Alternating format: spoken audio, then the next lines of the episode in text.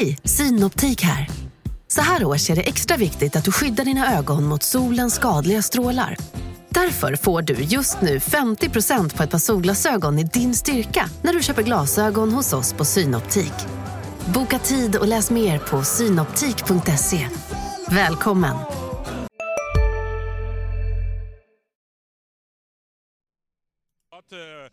Spelare i Obos-ligan, eh, bland annat eh, Pontus. hur känns det? Eh, nej, det är klart att det, det känns, eh, det, det känns stort. Eh, jag är väldigt stolt eh, att få den här prisen. Alla betyder på sitt sätt och fick avsluta med stil här hemma och säkra fjärdeplatsen som var vårt mål. Och säsongen är inte slut, det är nu säsongen börjar. Efter att ha öst in nästan 50 mål i Sandnes Ulf i norska andra divisionen har det kärvat för Pontus Engblom i ett underpresterande Strömsgodset. Under sommarledigheten vände han hem till Sundsvall och tog sig tid att prata med GIF-podden. Han bjuder på en hel del som hur det gick till när han valde AIK, att han ratade Premier League-klubben Everton och varför han då inte gick via GIF Sundsvall. Han pratade också om den speciella kemin och det magiska året 2011 då han återförenades med bästa barndomsvännen Emil Forsberg i GIF Sundsvall. Dessutom pratar vi om hans tunga skadeperioder, om hårtorkarna han fick från Alex Miller i AIK, mentorn Bojan Djordjic och när vi kan hoppas på en återkomst till vår stad. Vi hälsar välkommen till veckans gäst, Pontus Engblom.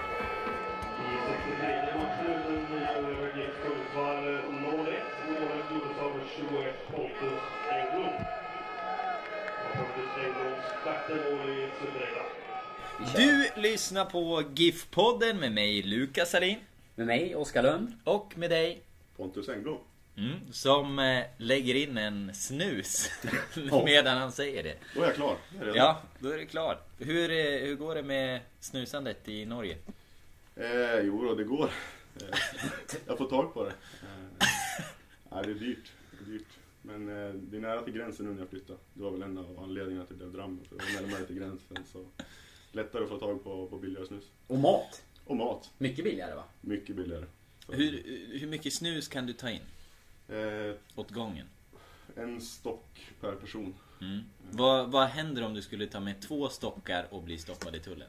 Det vet jag faktiskt inte. Jag har inte googlat så mycket. Jag har inte tagit risken heller, ska jag ärligt säga. Skulle det kunna bli en stor snusskandal tror du? Ja, inte omöjligt. Men jag ska hålla mig borta ifrån det så jag vågar inte ta, ta risken på det alltså. Nej, du får vara försiktig. nu. Men kul att du är här Pontus. Det, jag vet inte hur det här kom till. Vår bokare gjorde ett utmärkt jobb. Ja, eller hade han ett jobb i alla fall. Jag var ju nära att lösa det tills igår. Ja, Men eh, man gav sig inte helt enkelt. Så Ja. att, eh, vi fick hit honom idag. Vi det var ju kom- bra. bra. Det var inte många dagar i, i Sundsvall så det var ju stort att GIF-podden får stjäla lite tid. eller hur? Vi kommer ut en dag senare men också en dag bättre. Man kan säga att den här Mm. degen har fått jäsa lite och fått lite volym. Så vi spelade ju in eh, lite under onsdagen som vi eh, kommer lägga ut i slutet av det här avsnittet. Men vi tar, eh, vi, vi tar Pontus först. Precis, det känns rätt prio. Men vi kan säga det att det kommer snack om det som har hänt i Sundsvall senaste tiden med Joakim Svedberg, fystränaren som har lämnat och eh, ja, det kommer vi snacka om. Så ni, eh, ni som vill, eh, om ni vill börja i den änden så kan ni ju spola fram och lyssna på det och sen backa tillbaka. Men eh, jag tycker ni ska stanna och hänga med i, Det vore ju jättekonstigt att göra så. ja, Men eh, Pontus, vad gör du i Sundsvall? Eh, fått lite, lite ledighet. Dels på, på grund av tänkte jag säga. Eh, men det är landslagsuppehåll. Eh, så vi skulle vara lediga i helgen så fick jag några extra dagar för att åka hem och samla batterierna. Eller ladda batterierna kanske man säger. Sam, samla tappade batterier. Ladda batterierna är bättre. Ja, vad... eh, Annars, det, det görs ju inte mycket mål på, på den här arenan som vi har utanför. Du ska inte, du ska inte eh, komma hem då?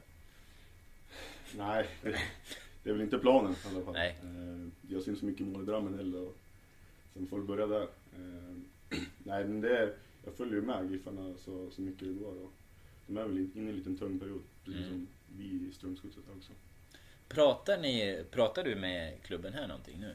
Nej, inte nu. Det är väl mer eh, under eh, övergångsfönstren egentligen som det har varit dialog under, under många utav dem i alla fall. Eh, Men under säsong blir det, blir det lite med, med klubbledning och sånt och mer med spelare och sånt som man, man håller kontakt med. Vi får väl vara, vara kvar där lite vid Giffarna kanske då innan vi in Ja, på men det hur tycker det ser jag. ut nu. För det, det undrar ju alla som, som lyssnar på den här podden eh, såklart. Eh, Men du är inne på det. Men det har varit dialog i alla fall i liksom, ja, fönstren som har varit på de senaste säsongerna och sådär. Hur, har det varit nära någon gång eller hur, hur pass nära? Eller? Eh, nej, alltså dialog har inte, betyder inte alltid att det är väl en, en seriös förfrågan eller en, alltså tal om en direkt övergång utan det är mer att vi, vi har en, en professionell dialog med, med tanke på att jag, jag känner, dem, känner dem väl. Jag känner dem, alltså, jag har ju, jag har ju varit här i två, i två svängar också liksom. Så, men eh, det är klart att det, alltså för mig som det känns nu så kommer jag vilja komma hem en dag.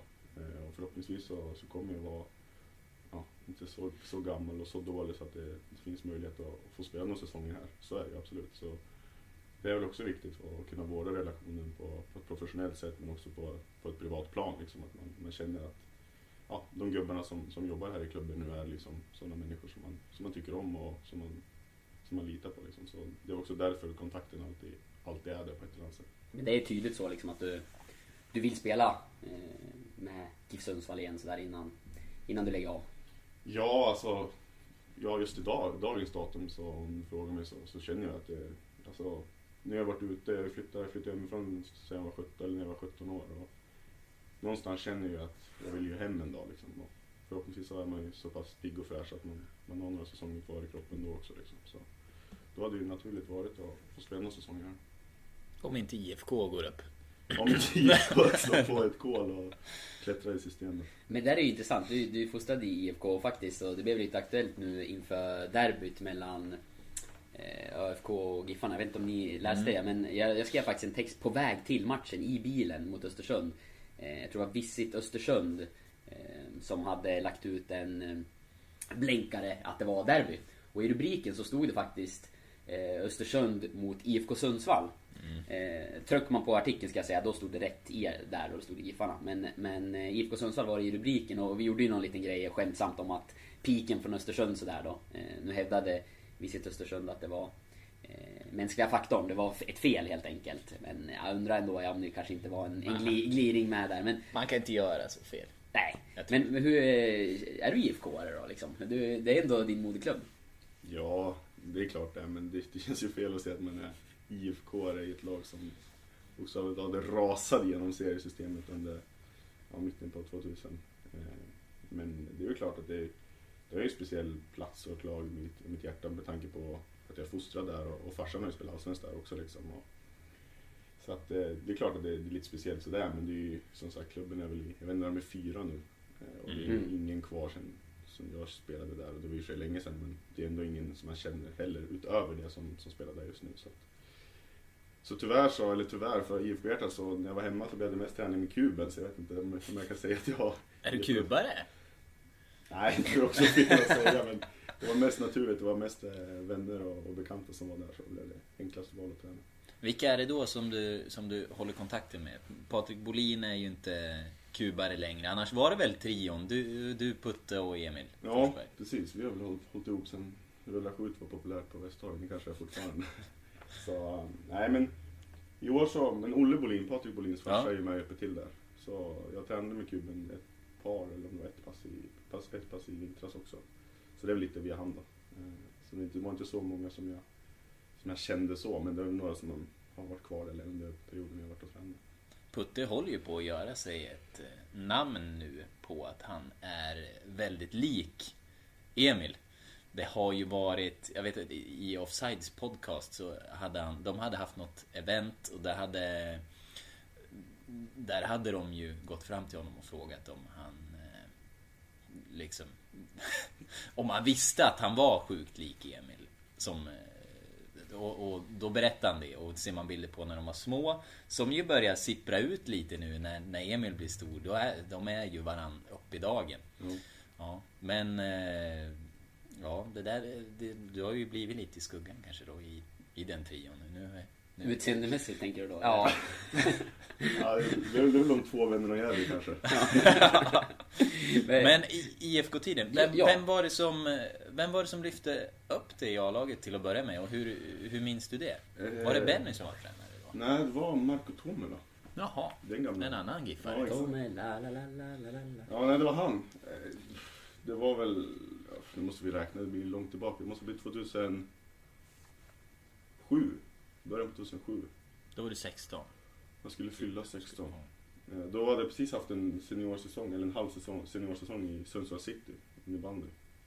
Eh, Jag kom inte in på, på fotbollsgymnasiet här i stan först och främst. Eh, Så där och då var väl tanken lite grann på, på att köra innebandy. Det började tisslas och tasslas lite grann om, om lag i högsta ligan innebandy som var intresserade och sådär. Mm. Men eh, ja, så fick jag vara med och träna på försäsongen där med, med IFK, eller om det var slutet på 26. Det var där omkring i alla fall. Och så, ja på den vägen vart det. Så vart det, vart det fast och så faktiskt så startade jag premiären här ute på, ja, på Norrporten eller vad det heter nu för tiden. Eh, Den Ja, det är idrottsparken. Ja, just nu. Idrottsparken. I några veckor till skulle jag tro. Mm. Men, men det. blev eh, väl succé nästan på en gång va? Eller? Jag spelade, jag spelade kant då. Det var ett, ett speciellt år i division 2, norra Norrland. Eh, vi, jag tror vi, det var någon som sa att vi jag tror, använde 36 olika utespelare den säsongen. Eh, det var folk som, folk som inte dök upp helt plötsligt som materialaren Börje fick eh, åka till adress och kolla så var lägenheten tom. Han hade tydligen flyttat. Och folk kom hem och spelade på enda sommaren. Och, nej, vi åkte ur faktiskt i sista omgången. Mm. Speciellt, jag kommer ihåg det faktiskt än idag. Vi var uppe och spelade mot eh, eh, något Luleå-lag. Eh, Kiruna behövde tappa poäng, vi behövde vinna. Nej, Kiruna behövde förlora faktiskt och vi behövde vinna. Och vår match var 0-0 i paus. Vi ledde med 1-0 direkt efter paus. De gör tre raka mål. Så vänder vi och vinner med 4-3. Eh, Kiruna ligger under med 2-0 i paus och får en man utvisad. Vi har 2-1 i mitten av andra halvlek och så får de straff i 94, tydligen en tveksamt dömd straff. Som man slår i stolpen, i ryggen på målvakten och in. Så jag 2-2 i matchens sista spark. Så hade vi, Och därför åkte ni ur. så hade vi Var det 55 inte- mil och så var det tufft. Den Kuben räddade väl upp det då i sista omgången? Det är inte omöjligt. De spelade i Den- andra serien, tror jag. Så kanske det var. Jag tror de Så kanske det var. södra varianten Ja. Då. Det var ju precis i vevan då jag gick till kuben. Så det är väl vid det tillfället kanske jag kunde säga en gång var jag bättre än Pontus. När, jag- när jag skriver min självbiografi. Men eh, man börjar ju direkt tänka lite så här. eh, Det var var, var det riggat inte. det där då eller? Jag vet inte. Alltså, jag kommer bara ihåg att vi, ja, vi vann och vår match var klar lite tidigare så vi hade någon på plats som, som eh, pratade på högtalartelefon. Och han var liksom så "Ja, det, det, det är straff. Han var som chockad själv och så säger han och han missar, den går in typ. Ja. Så det var, Surt. ja det var faktiskt, det sitter lite ältat kvar i minnet och det är väl tio år sedan. Ja, tio Men- år sedan ganska precis. Men när man vet fortsättningen här nu då, då kan man ju tänka kanske att eh, det kanske var bra. För i division 3 då spelar du inte kant. Nej, då fick jag lira på min naturliga position. Och då blev det mål. Då vart det mål. Eh, det vart några stycken. Hur Eh, många gjorde du? 26 tror jag. Då var det Benny som tränade va? Nej, då var det Marco första halvan, herregud. tror jag. Ja. Så, Benny kom efter mig, tror jag. Benny Ja. kom precis när jag drog. Mm. 2009 eller något sånt där. Det stämmer. Jag tror att den första artikeln jag skrev i, i Dagbladet, då fick jag ringa Benny efter premiären i... Eh, vad var det för... Då blev det Trean. trean. Mm, trean. Då fick jag ringa upp Benny som då var tränare, eller spelande tränare. Och då var just eh, liksom vinkeln på det hela var hur, hur går det nu att liksom ta, tackla det efter, efter att Engblom stack. Men fortsätt där. Succé, succésäsong Mm. blev det. Du, var- då var du alltså 16 skulle fylla 17 under Ja, det året. Och då Precis. blev det 26 mål i division 3. Ja, då, då, Då började det ringa. ja, då började det ringa på alla möjliga håll och kanter. Eh, började egentligen med att jag åkte ner och eh, gjorde väl ett gästspel hos, hos Väsby, AIK samarbetsklubb. Eh, jag tror jag körde något pass med AIKs juniorer också. Det var väl från Eh, Thomas Persson Lillis, eh, som jag fattade, som hade kontakter där. Och fick jag åka ner i samband med att jag var, var kallad på någon landslagssamling. Jag skulle möta Kroatien borta tror jag. Som jag, ja den landskampen så gick det inte speciellt bra för mig. Jag kommer ihåg att tränaren sa att ska du vara med här igen så måste du höja dig ganska mycket. Så det var, det var, det var den debuten jag hade i ungdomslandslaget. Men det gick fort där då liksom från att inte komma in på fotbollsgymnasiet eh, i Sundsvall och eh, innebandyn var nära att du la ner fotbollen och, och satsade på, på innebandyn istället. Och sen när det blir det här då ett och ett halvt år senare någonting så var du landslagsspelare. Ja, jo, det gick väldigt fort. Det blir så svårt med, med alla årtal men jag fick ju en extra plats det året på fotbollsgymnasiet efter den där säsongen tror jag var i division 2. Eller efter halva säsongen tror jag det blir. Så då fick jag faktiskt en, en extra plats som tog in en extra eh, det året. Eh, Så då, då kände jag väl där och då att ja, men då, då kör vi fotbollen, då ger vi den en ärlig chans och, och kör stenhårt på det. Så jag slutade efter, det var från att jag funderade på att satsa på innebandy så slutade jag i, i samma veva liksom. Mm. Så det var liksom nästan på natt och dag så vändes det liksom. Men då när du slog där också, eh, pratade om, om Väsby och så, men eh, det var väl en landslagsturnering sen som du gjorde väldigt bra ifrån dig och där det kanske var det som liksom drog igång det på, på allvar va, med, med intresse från andra klubbar, eller minns jag fel då? Nej, det var precis så det var. Jag hade ju den landskampen där på våren. Jag blev kallad till Bosan efter första året i division 2 där, eh, på sånt breddläger. Sen var det landskamper i, ja, det var april kanske, dubbellandskamp mot Kroatien borta. Sen var jag inte med samlingen efter och så var det sånt breddläger igen i Halmstad på sommaren där. 20, eller 2008 blev det då. Och då efter det, direkt efter det lägret så var det en fyrnationsturnering i Varberg och Falkenberg och sånt där. Som jag fick åka på direkt då. Eh, och då, då gick det rätt bra. Eh, jag tror jag gjorde, gjorde två mål mot Norge i första matchen jag hoppade in och så gjorde jag eh, ett mål mot Turkiet när det var 1-1 och så slog Wales 1-0 sista och gjorde målet där också. Plötsligt satt en straff mot Turkiet. Så att jag gjorde fyra spelmål och ett straffmål på, på tre matcher där. Och det var efter det det började eh, ordentligt då. Eh, Men i den vevan hade jag varit i, Sto- i Stockholm igen. Innan jag åkte på, på den där breddlägret i Halmstad så hade jag varit i, i AIK och besökt och fått kört något pass med, med A-laget faktiskt. Så AIK var egentligen hela tiden ett steg före om man säger så. Mm. Men vad, fick du veta någonting då om vad det fanns för alternativ för dig i den vevan? Ja, alltså det var ju det. Farsan hade ju skrattat lite grann om att skaffa, skaffa en, en agent och rådgivare liksom när man är sådär ung och, och sådär. Men det var faktiskt så att det gick inte att sköta det där själv för det, det ringde hela tiden faktiskt. Eh, det var ja, agenter och det var olika klubbar och liksom, det är tufft då som, som 16-åring eller 17-åring och jag skulle ju fylla 17. Eh, att, att ta de besluten och veta vad man ska svara och sånt. Så att, eh, då gick vi på det spåret att vi skulle välja en, en rådgivare först och främst som kunde hjälpa oss med det. Vem valde du då och hur förändrade det? Eh? Jag valde Stefan Pettersson då efter, efter något möte. Jag tror att han var uppe här faktiskt och såg en match. Eh, Så valde han då. Jag fick en, bäst intryck av han. Eh, Sådär. Ja, sen så, så var det ju, det var mycket klubbar då. Det var mest i, mest i Sverige men det var en del utländska förfrågningar. Och hetaste alternativet var ju faktiskt Everton Mhm. som ville ha dit mig på något, på något sommarcamp. Men då kände jag väl kanske där och då att jag vill först och främst spela klart säsongen som jag var mitt uppe i och ja, kanske tjäna lite tid på att ta ett beslut. Då. Mm. Så då tackade jag nej till det. Och det är väl kanske en sak som jag idag ångrar lite grann. Att jag inte åkte över i alla fall testade och, och kände på det liksom. Sen vet man inte om det hade blivit något annorlunda eller något sånt där. Men jag tror bara att man har fått känna på nivån och fått känna liksom hur det funkar i en sån där klubb i, i min ålder. Liksom. Du tog ju ett ganska stort steg ändå i, i slutändan för det blev ju direkt från division 3 till eh, ja, en allsvensk klubb och eh, en av Sveriges absolut största AIK. Men hur var övergången där eh, från IFK till AIK? Du blev såld va? Eller? Jag vet inte exakt hur det var men jag, jag hade ju inget avtal egentligen eh, med IFK. Men jag kommer ihåg att jag, jag sa ju att jag ville att IFK skulle få, få en, en bit av, av kakan till sig. Det var inte så att jag fick någon större bit av den. Utan, men jag, jag kommer ihåg att vi sa att vi ville att klubbarna som, som var intresserade skulle behandla det som att jag hade ett år då, kvar på mitt kontrakt. då, Liksom. Så jag tror de fick en, en hyfsad summa för dem. Men du fick aldrig veta vilken summa? Nej, det var lite, det var lite olika. De löste det i alla fall och IFK lät väl i alla fall nöjda då. Så att, Men det var Det- liksom att... för att eh, IFK började ju snacka om att de ville förlänga mitt avtal för att just kunna ta betalt. Men då kände ju jag att nej, jag ska välja vilken klubb jag vill gå till och det ska inte styras av vilka som kan betala mest eller kommer överens med klubben liksom. IFK hade ju stora ekonomiska problem då. Jag kommer ihåg att det viskades lite om att det räddade klubben då.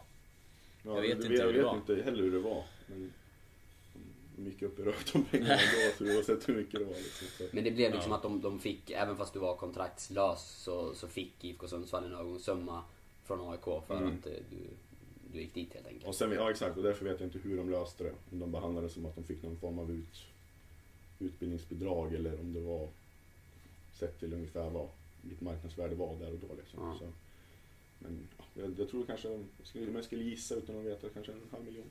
Jag gissa på. Men jag vet inte. 400 000 kanske. Fick du bra betalt då? Som eh, ung grabb kommer till AIK? Eh, ja, alltså jag hade ju absolut så jag, så jag klarade mig. Eh, kunde ju liksom så. Men det är också en del utav, av mitt val att jag visste aldrig alltså, beloppet i kontrakterna Mm. när jag valde klubb. Mm. Utan jag gick bara efter. Det var väl någonting som kanske min agent och min pappa kom lite överens om att vi, när han bestämt sig klubb så, så förhandlar vi ett avtal efter det liksom. Det ska inte vara att vi ska jämföra nollor blir fel, men siffror liksom mot Mm. varandra. Utan det ska vara en, en känsla som jag får att den klubben passar bäst för mig just nu. Liksom. Så när du valde AIK visste du inte liksom vad du skulle tjäna? Nej. Men sen tror jag faktiskt att det kanske var det bästa avtalet också.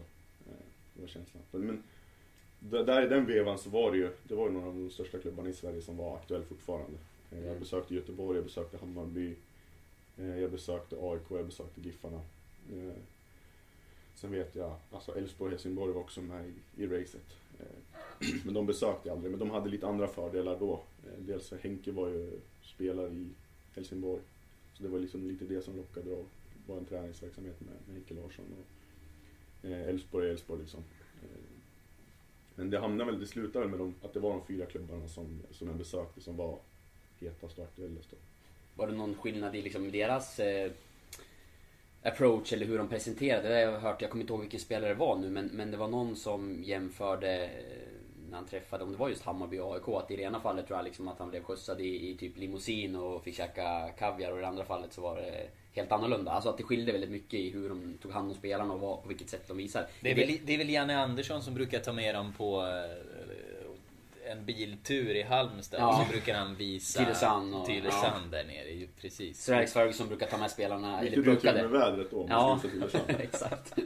ja, men Ferguson tog väl, brukar väl, väl ta med spelarna ut på Old Trafford tror jag och stå i mittcirkeln typ och visa. Eh, Ja men var, det- var det något speciellt som du fastnade för där liksom? Eller något som skilde sig åt? Nej, det var väldigt professionellt. Eh, på, på alla håll.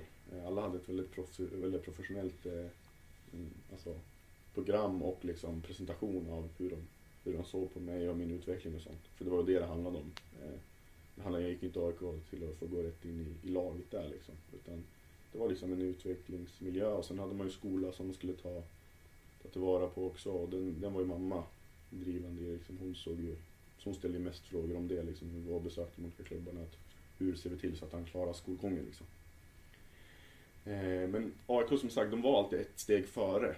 Innan, vad ska man säga, innan det blomstrade så hade de redan den som tagit kontakt liksom, och bjudit ner mig och sånt. Och de hade, där och då så hade de den bästa lösningen för mig då. För Göteborg ville ju att det skulle vara som en riktigt ungdomskontrakt och vara med i en träningsgrupp som var med i A-laget och, och likadant i, i Hammarby. Sundsvall var det ju A-lagskontrakt men då hade de ju matcharenan då var ju division 3 mellersta eller den södra utav de här med Medskogs. Mm. Och det var ju den nivån jag hade spelat på innan liksom. Men AIK hade, de erbjöd mig en plats som en av fyra forwards i, i truppen och ja, med möjlighet att spela matcher med Väsby då i Superettan. Hur var det då liksom att ta det steget från, från division 3 till eh, ja, en av Sveriges absolut största klubbar och eh, allt vad det innebär? Nej, det var ju en omställning, det var det jag kommer ihåg. Nu kommer en, eh, en story faktiskt. Farsan var ju på mig hela vintern, jag hade bestämt mig att jag måste köra mycket hårdare än vad jag gjort på, på egen träning. Och körde väl på rätt bra liksom, men kanske inte tillräckligt då. För jag kommer ihåg första träningen så sa de att vi börjar lugnt, kör en, en liten lättare joggingtur och så kör vi intervaller tillbaka. Jag fick kliva av efter första intervallen, var helt slut. Så då, kände, då kände jag lite grann såhär, shit vad fan jag kommer då. Men jag snackade lite ändå med fysen och sånt och de menar ju att det kan ha varit att det var en anspänning och att man var lite spänd och sånt. Så gick man liksom, ja, classic in i väggen nästan. Så jag gick de sista två intervallerna så då tänkte jag bara, vad fasen har jag gett mig in på nu? Det gick fort att komma in i det också. Hur mycket tvivlade du då? då? Nej, Känner man alltså- någonting sånt? Nej, men jag vet ju, det var inte så kul att ringa till farsan och efter den träningen och säga liksom att jag, jag var tvungen att kliva av första, första dagen. Liksom. Eh, Men jag tror att det var mycket anspänning också för att efteråt så, så gick det rätt bra liksom. Alltså komma in i det och så. Men det var ju en omställning, det var det. Eh, Men det gick bra. De, de, de hade ju liksom helhetsbilden med. Jag pluggade ju klart sista ett och ett halvt åren eh, på distans. Jag hade en lärare där som hjälpte mig och de skickade prov och sånt. Så att allt sånt där funkar ju och jag kunde vara där egentligen när jag ville i hans eh, klassrum då. Medan han hade andra lektioner och sånt. Kunde jag sitta med dator och plugga och så. Och sen hade de ju värd, eh, Bojan Djordjic var ju som en fadder åt mig. Han bodde i samma hus och Kevin Walker bodde Mm. i samma hus där och då. Så att det gick snabbt för mig att komma in i, i livet även fast det var en, en stor omställning. Hur var Bojan att ha som fadder? Ja, helt kung var han. Eh, Han, var, han tog hand om mig väldigt bra. Vi har ju fortfarande kontakt idag. Även fast inte så, så ofta. Men vi, vi har ju kontakt på olika sociala medier. Och brukar träffa honom när jag är i Stockholm eh, på ett eller annat sätt. Eh, Så att, nej, men han, han betydde mycket. Han, han var, gick ju skadad då. Han hade dragit av hälsenan men var på väg tillbaka. Och, nej, men det, det är en fin, en fin människa. och Han var verkligen omhändertagen. Han kunde ringa ibland och säga har du någon matlåda hemma? Morsan brukar ju skicka matlådor. Så kom han ner och så kollade någon, någon match eller vad det var så tog en matlåda av mig. Så det var win-win för han. Men för, för jag hade bilden av eh, när han kom till eh, Manchester United. Då var det ju inte många svenskar som blev ungdomsproffs. Men eh, jag har för mig att det, det var något tidigt klipp då på honom där han eh, började prata om vilka bilar han skulle ha i A-laget och sådär. Ehm, medan det efterhand eh, kändes det som att han mognade väldigt mycket i, i AIK. Hade du mycket nytta av hans, liksom, hans erfarenheter? eh, Hade du mycket nytta av det? Eller hur, hur stöttade han dig? Ja, så säkert indirekt. Alltså jag är lite för, för ung då för att minnas han när han Mm. tog över. Men jag visste ju, namnet klingade ju på den gamla fotbollmanager och Mm. Manager-spel och sånt. Så, ja, vi hade ju koll på honom sådär. Men jag tror mer att kanske att han nu använde sina, sina erfarenheter till att ta hand om mig liksom. Mm. Det var ju väldigt alltså det var, Han var ju hård liksom på träning och sånt där men alltså Direkt efter och sånt så var det liksom, det var ju bara åt sidan, alltså la sig åt sidan och så ja, var det liksom köra hem mig och se till så att jag hade det bra liksom och, och sådana saker. Hur, hur var liksom den miljön och sådär, kraven och det, som du säger, han kunde ryta i på träning. Hur, hur var det? Det var ju liksom många ja, väldigt rutinerade spelare som var där och så, som hade åstadkommit mycket. Fick du några utskällningar liksom? Ja, det fick jag. Eh, Jos Hojfeldt hade en, hade en på mig en gång som jag aldrig glömmer. Han menade att han, han var i mitt lag varje gång det var possession och det enda jag gjorde på de träningarna var att sparka iväg bollen så vi fick spela försvarsspel. så eh, nej, det var, det var, men han Joss också kom bra, jag kom bra överens med, med folket liksom på sidan av men man märkte ju på plan så var det ju.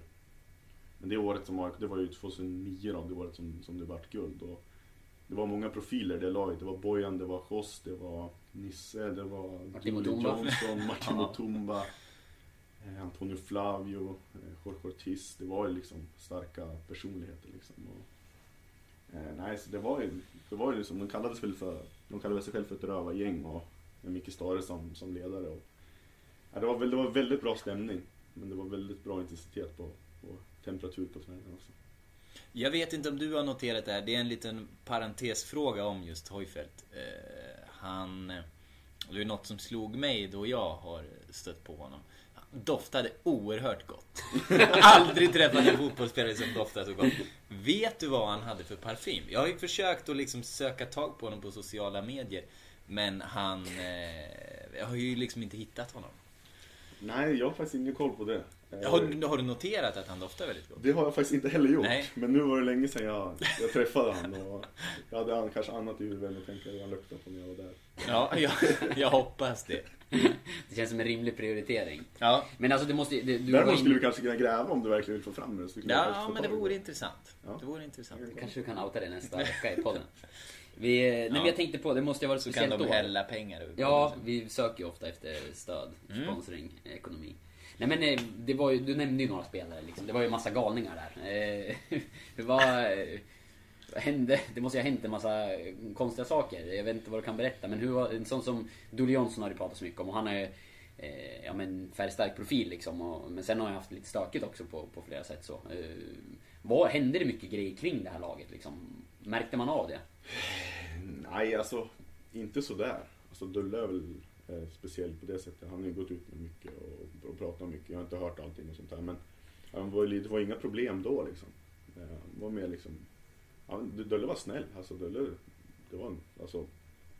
Han, gjorde, han har gjort sina snedsteg och, och sånt där. Och, men där och då märkte jag inte av någonting speciellt med att han försov sig någon gång och, och sådana saker. Eh, Mm.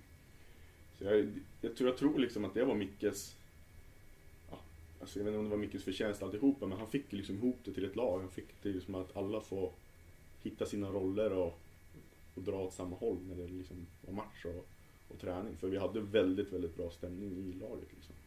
Och vi, jag märkte ju det liksom, att det var, det var någonting speciellt. Och det var liksom inte några så jättespeciella träningar eller liksom idéer utan det var liksom Mickes mentalitet när vi kör så kör vi.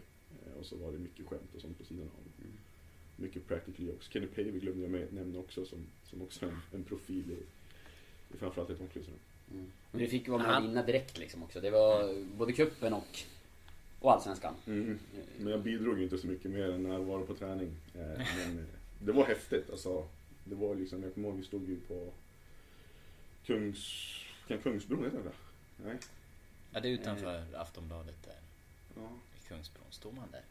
Ja, jag vet Vi inte gjorde i alla fall, jag tror Ja. det var där. Vi stod i alla fall. Eh, Och då var det ett hav med, med supportrar. Och, Inte Kungsträdgården. nej, det var liksom Kungs- utanför Ja. en av nattklubbarna där som vi hade festen på. Som Mm. det var. Jag vet inte vad bron heter, jag tror att det är Kungsbron. Mm. Det är där vid kasinot och... Ja. Pratar vi Stockholms geografi? Ja, Mm. exakt. Och jag, jag var dålig på det, här var länge sedan. Jag bodde där. Eh, Men i alla fall, då var det i alla fall en, det var en häftig upplevelse och allting runt omkring. Och tror ju liksom, jag tror det var Kärna som sa liksom att det, vinna guld i den här klubben, det går inte att jämföras med att vinna någon annanstans. Någonstans tror jag att han har en poäng för, ja i mina ögon så är det Sveriges största klubb liksom. Ehm, jag tänkte på, jo, eh, du sa mycket practical jokes. Har du något du minns? Något du... Uff, nu är jag var oförberedd på den frågan. Inget här på rak arm. Det var ju sådana här klassiska klippa sönder saker och ting och gömma saker och ting liksom. Eh, Jag kommer liksom inte ihåg något, något liksom så här på rak arm. Eh, Tyvärr. Det hade varit kul att dela med mig faktiskt. Men Svagt. ja. Men det bör- det börjar bli länge sedan det också. Men när du, eh, som du sa, när AIK kom in i bilden. Det var många som hörde av sig till dig då. Eh, vad lockade agenterna med? Vad, vad använde de när du, när du skulle välja rådgivare? Nej men det är väl eh, sin, sitt sätt att jobba egentligen och sitt sätt att hjälpa liksom. Eh, Så det är liksom jag tror att det bara ha- handlar om att de vill bara presentera vad, vad de står för och vilka de jobbar med och, och sådana saker. Nidbilden av en, eh, av en agent så annars är väl att de eh, just för, för att locka en ung kille kanske börjar prata om just det här med bilar och klockor och grejer. Det var, det var inget åt det hållet. utan- Nej, det var det absolut inte. Det var inga, det var inga mutor på så Nej. sätt. Absolut inte. Och det var liksom ingen som, som lovade dittan och dattan heller vad jag, vad jag kommer ihåg. Utan det var mer en presentation och en lunch och surra igenom vad, vad de tycker och tänker och vad de menar och hur de ser på vad som är bäst för mig. Liksom, och sådär. Mm. Men där och då så, så handlade det ju inte om att de skulle locka eller dra fram någonting utan det var ju intresset på bordet. Utan det var mer att jag behövde hjälp och, och hantera egentligen. På så sätt var det. Men Stefan Pettersson bjöd på efterrätt. Eh, Ja, kanske. Eh, men, Du, du blev ju kvar i, i AIK ett tag eh, och spelade i Väsby och du gjorde match för Västerås. Mm. Och, men sen så var det en säsong här, Mm. utlånad till Giffarna. Mm. Ja, och jag, ni gick upp i. Allsvenskan. ja jag, hade, jag var ju där nio då som det gick jättebra och tio var det ju var det ju kaos. Så det var ju liksom två skilda världar Ja, egentligen. där måste vi stanna förresten. Då var ju AIK indragen i, i eh, bottenstriden. Ja, jag tror vi säkrade, eh, säkrade näst sista omgången. Elfsborg hemma tror jag. Hade- Europaspel och eh, kamp om... Eh, Ja, Jag tror vi hade tre tränare på ett år också. Så det var, det var speciellt. Eh, nej, jag hade ju, jag, jag vet inte, Alex Miller, för er som kommer ihåg Mm. han. jodå. Han hade jag ju i ja, några månader där. Eh, Han tyckte om mig som fasen från början. Han fick ju spela mycket och gjorde något mål och fick samma straff och såna grejer. Men någonstans på vägen skar det sig. För jag tror inte jag var hans favorit efter det. Eh, och han var ju väldigt, väldigt, väldigt speciell. Vad hände då? Uff, det hände så mycket så jag skulle, vi skulle nästan behöva ett extra avsnitt för att gå igenom det här. Men han, eh, han kom ju då från, jag vet inte vart han har varit innan, men han hade ju meriter från Liverpool som Mm. tredje tränare eller vad det nu var och skulle rädda oss kvar. Eh, hade ju ganska speciella metoder på träningar och det var, jag kommer ihåg han skrev en hel whiteboard-tavla liksom med minimal text och gick igenom träningen på två minuter, sen södde han allting. Som som har stått, stått, som har stått och skrivit i 20 minuter, så gick han igenom det på två minuter, sen södde han allting. Det var liksom mycket sådana där saker och mycket taktiskt och mycket jämförelse till, till Liverpool och eh, Sen hade han ju Ja, alltså jag spelade ju ganska mycket från början och sådär och sen spelade jag ingenting på fyra fem eh, veckor. Eh, och då var Västerås sugna på att ha mig i några matcher på hösten där. Och, Ja, jag var ju sugen på det och då ställde han sig frågan till det. Jag tror liksom började jämföra med Wayne Rooney om han tror att han skulle vilja spela någon annanstans för att inte han fick minuter i United liksom. Jag bara fast det går inte att jämföra, jag vill försöka få spela lite grann och sådär. Så skulle vi spela en eh, eh Europa League-match, eh, Levski Sofia borta. Eh, så kom han till mig dagen innan i, i Sofia och sa liksom att ja, du startar imorgon liksom, men du måste vara klar för att starta. Eh, så jag vill ha ett besked om, om 10 minuter på mitt hotellrum, 7, 4, 3 eller vad det nu var. Så gick han bara. Så jag bara, "Hå?" Så jag bara, "Men vad- det är klart jag vill spela liksom. Men han sa också att tar ett själviskt beslut nu så kommer du aldrig mer spela under mig liksom. Så gick han. Du var inte skadad eller så alltså? Nej. utan- nej. Han ville bara att jag skulle starta den matchen och- om jag var klar och visste vad det innebar. innebar liksom. Det var sista matchen innan gruppspel och vi vann, eller 0-0 hemma hade vi. Så jag knackade ju på och sa I'm ready. Typ. Han bara okej, good. Så drog han in dörren liksom. Så var det ju Levski Sofia borta med eh, den trycket har jag aldrig upplevt förut. Det var väl 25 000 galna bulgarer där och det var, det var enormt tryck liksom. Men vi tog ledningen med 1-0, vi var jättetillbakapressade men vi, vi målvaktstavla så ledde vi med 1-0 i paus. Så kom han in och så bara skrek han till mig. You! You can take a shower. så jag bara, han bara, you know why? Because I need men. I need men out there. så spelade jag inte många sekunder mer. Hur hade din, hur hade din insats varit då, den halvleken? Hur hade du känt själv? Nej, det var ju bara jaga liksom. Vi var ju Ja. enormt tillbakapressade. Jag drog på mig ett gult kort men jag hade nästan inte bollen. Men där och då ledde vi med 1-0 och hade ett borta mål. De behövde göra två liksom. Men han behövde män. Men det Så pojken fick gå av? Ja, exakt. Så att det var bara att duscha och följa matchen på bänken under halvlek. Men hur, hur var det då liksom? Du var inte så gammal då heller? Eh, nej, det var inte. Jag var 18 år. Så nej, men det var tufft alltså. Nu efteråt så sitter vi och garvar åt det. Jag har mycket kontakt med, med spelare som var under den perioden liksom. Nu är det ju alltid ett, ett återkommande ämne när vi träffas liksom och surrar igenom. För det, det finns jättemycket stories liksom. Han, jag kan dra den snabbt också. Jag, ja, jag spelade från början under han och det gick bra. Så hade vi Malmö hemma i Allsvenskan. Fixade straff efter 10 sekunder. Så jag fick en rejäl stämpling på foten. Eh, så jag... Jag sa väl då där under matchen att det var, det var ont liksom. Men han sa bara fortsätt spela liksom. Keep on playing, it's in your head. Typ så, här. så jag spelade ju klart matchen nästan. Jag spelade 80 minuter liksom. Men sen efteråt så, en stukning så, så svullnade foten upp rejält liksom. Och det här var en lördagsmatch, så skulle vi vara ledig söndag, så skulle vi träna måndag, sen skulle vi åka till Luxemburg på tisdag. Så var det andra matchen mot ett lag i Champions League på onsdag. Så jag, jag åkte hem och så kom jag ihåg att jag hade jäkligt ont liksom på, på söndag men låg bara med foten i högläge och, och hade ärtor på eller broccoli eller vad nu jag hittade hemma liksom. Och så kom jag till träning haltande då, så mötte jag fysion då. Han är kvar där, Lucio. Mm. Och han bara, fan Pontus det ser inte bra ut det där. Jag bara, nej. Jag har riktigt ont liksom. Han bara, fan jag har sagt att alla ska träna liksom. Men jag måste gå och säga att inte du kan träna. Så jag satt mig på testcykeln och så, eller ja, på träningscykeln och körde lite lättare rehab och satt och behandlade mig själv med någon laser där i fysrummet. Så kom han in och så sa han You, where were you yesterday? Så jag bara såhär, home? Bara, you should be in for treatment. You score one goal in Champions League and think you are a star. Come back when you score a hundred. you bring me 2500 kronor cash tomorrow. Så gick han. Nej. Så fick jag någon typ av bot då. Han hade ju något sånt här botsystem själv som ingen visste vad som innebar eller vad som Och där stoppade ju han i egen ficka. Garanti. Det ska, jag, det ska skydda honom för de pengarna lämnade han tillbaka när han drog sen då. Han gjorde Alltså de gick till lagkassan sen? Ja. Så Ja, jag, fick tillbaka, ändå- jag, fick tillbaka, fair, jag fick tillbaka 2000 av Nisse när han tog 500 till, till festen. Det var liksom eh, lite support från de äldre spelarna tyckte det var hårt de- mot ja, dig det var och det. dega två och Det var ingen som visste vad, det var eller varför. Liksom. Han, hade nog, han samlade in lite pengar för folk som kom för sent och sånt där. Så, så. Ja, men han hade ju en poäng Ja. i det men fysen sa också liksom att du kunde inte göra någonting dag ett liksom, med en stukad fot. Du gjorde det du kunde hemma liksom.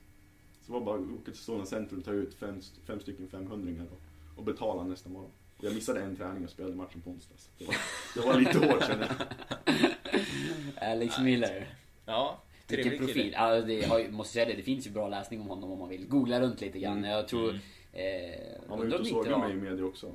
Det är Ja. Daniel Kristoffersson har jag för mig har skrivit någon grej om. Vad det var han hade lyckats snappa upp någon utskällning eller hur det var va? Mm, ja, han fick en helt från ingenstans efter en träning. Vi skulle gå tillbaka till, till Karlberg då från träningsplanen. Då sa han väl att, jag kommer inte ihåg exakt vad, men det var någonting med att hade han haft större trupp så hade jag inte varit närheten att och ens vara i matchtruppen. Liksom. Men nu har han inte mer och då får, han, får jag vara med. Och jag blir inte bättre överhuvudtaget under tiden han var där. Men alltså hur är det där och hur är det där att höra och ta när man är så ung?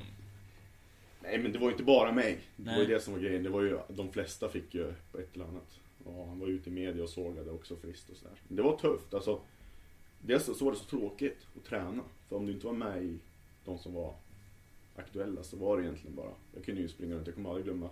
Skulle möta Örebro så sa han Du är höger, högerytter idag. Marcus Astvall han går bara upp och ner på linjen. Så idag ska du bara gå upp och ner. Du ska inte göra någonting annat. Jag skulle vara så lik som möjligt som Örebro är. Liksom. Så var det en träningsvecka. Liksom. Så jag kommer ihåg att det var många månader som man skrev ett långt sms där man skrev att man var sjuk fast man inte var sjuk. Som jag aldrig skickade då. Men som jag verkligen hade skrivit klart att jag orkar inte gå och träna då. För det är så tråkigt och det är, det är, liksom, det är ingen glädje liksom. Men det var inte, jag skickade dem aldrig. Jag var ju där. Men det var, det var en speciell tid men nu efterhand så, så tror jag man lärde sig mycket av det. Mm. Men framförallt så var det väldigt kul åt de olika utskällningarna jag hade på Mm. De olika gubbarna. Man tänker, du man blir liksom härdad ganska tidigt att eh, för att vara i just AIK när det blåser liksom är kanske det tuffaste man kan vara i svensk fotboll. Sådär. Eh, Där stormar det ju ofta och det blir liksom uppmärksammat och, och eh, sådär. Så att eh, Känner du att du liksom lärde dig mycket av den perioden på något sätt? Ja, jag tror det. Men jag kommer ihåg det, det året liksom. Jag spelade ju inte så mycket så att jag hamnade ju liksom någonstans undangömd i det hela liksom. Men jag upplevde inte att, att det var tufft. Alltså att det var tufft att det var... Man var...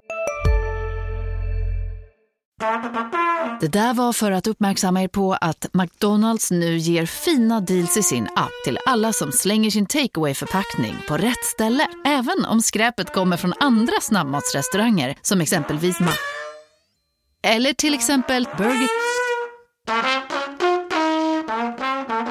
Var du än är och vad du än gör så kan din dag alldeles strax bli lite hetare.